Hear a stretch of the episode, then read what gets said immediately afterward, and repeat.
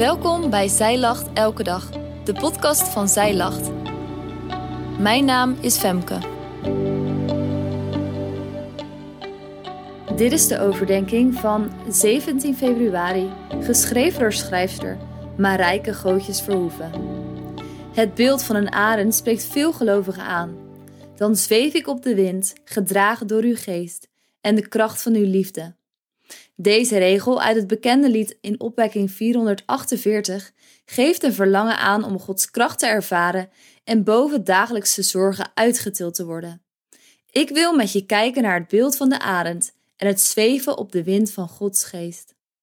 Op een middag in september hoorde ik buiten roofvogels roepen. Ik keek omhoog en zag er een aantal vliegen. Ze gingen langzaamaan steeds hoger, tot ze zich konden laten meevoeren op de thermiek.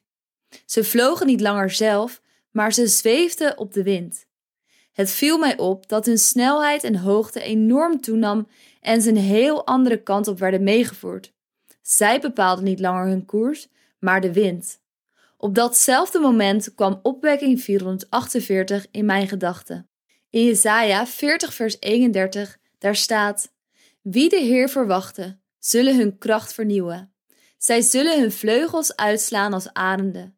Zij zullen snel lopen en niet afgemat worden. Zij zullen lopen en niet moe worden.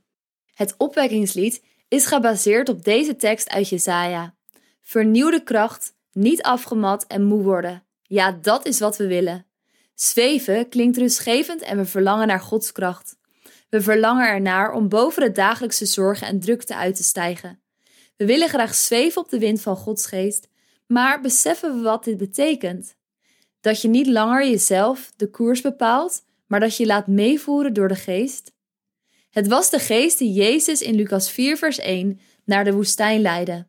En in Handelingen 16, vers 6 tot 10 verhinderde de geest Paulus om het woord in Azië te spreken of naar Bithynië te reizen. Hij moest naar Macedonië. Gods geest kan ons op plaatsen brengen waar wij misschien zelf niet voor zouden kiezen. Durven wij Hem te vertrouwen of vliegen we liever op eigen kracht, zodat we zelf onze koers kunnen bepalen? De tekst uit Jesaja verbindt de vernieuwing van onze kracht met het verwachten van de Here. Daarmee wordt niet de wederkomst bedoeld, maar dat je alles van Hem verwacht. Dat betekent eigen beperkingen onder ogen durven zien en het toegeven als je zelf graag richting bepaalt, maar vaak geen flauw idee hebt welke kant je op moet. Het betekent durven erkennen dat je moe bent van het zelf vliegen, het moeten rennen, springen, vliegen, duiken, vallen, opstaan en weer doorgaan. Alles van Hem verwachten. Het zweven op de wind van Gods geest spreekt van overgave en vertrouwen, zodat Hij ons naar het grotere hoogte kan brengen.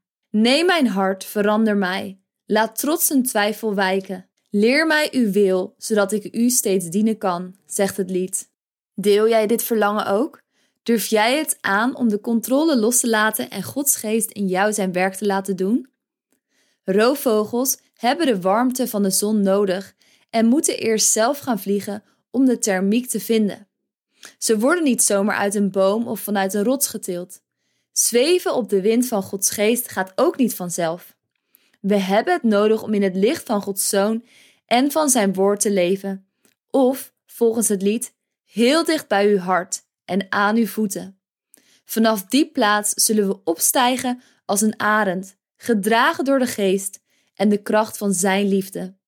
Zweven op de wind van Gods geest is rustgevend, doordat we ons gedragen weten door zijn kracht.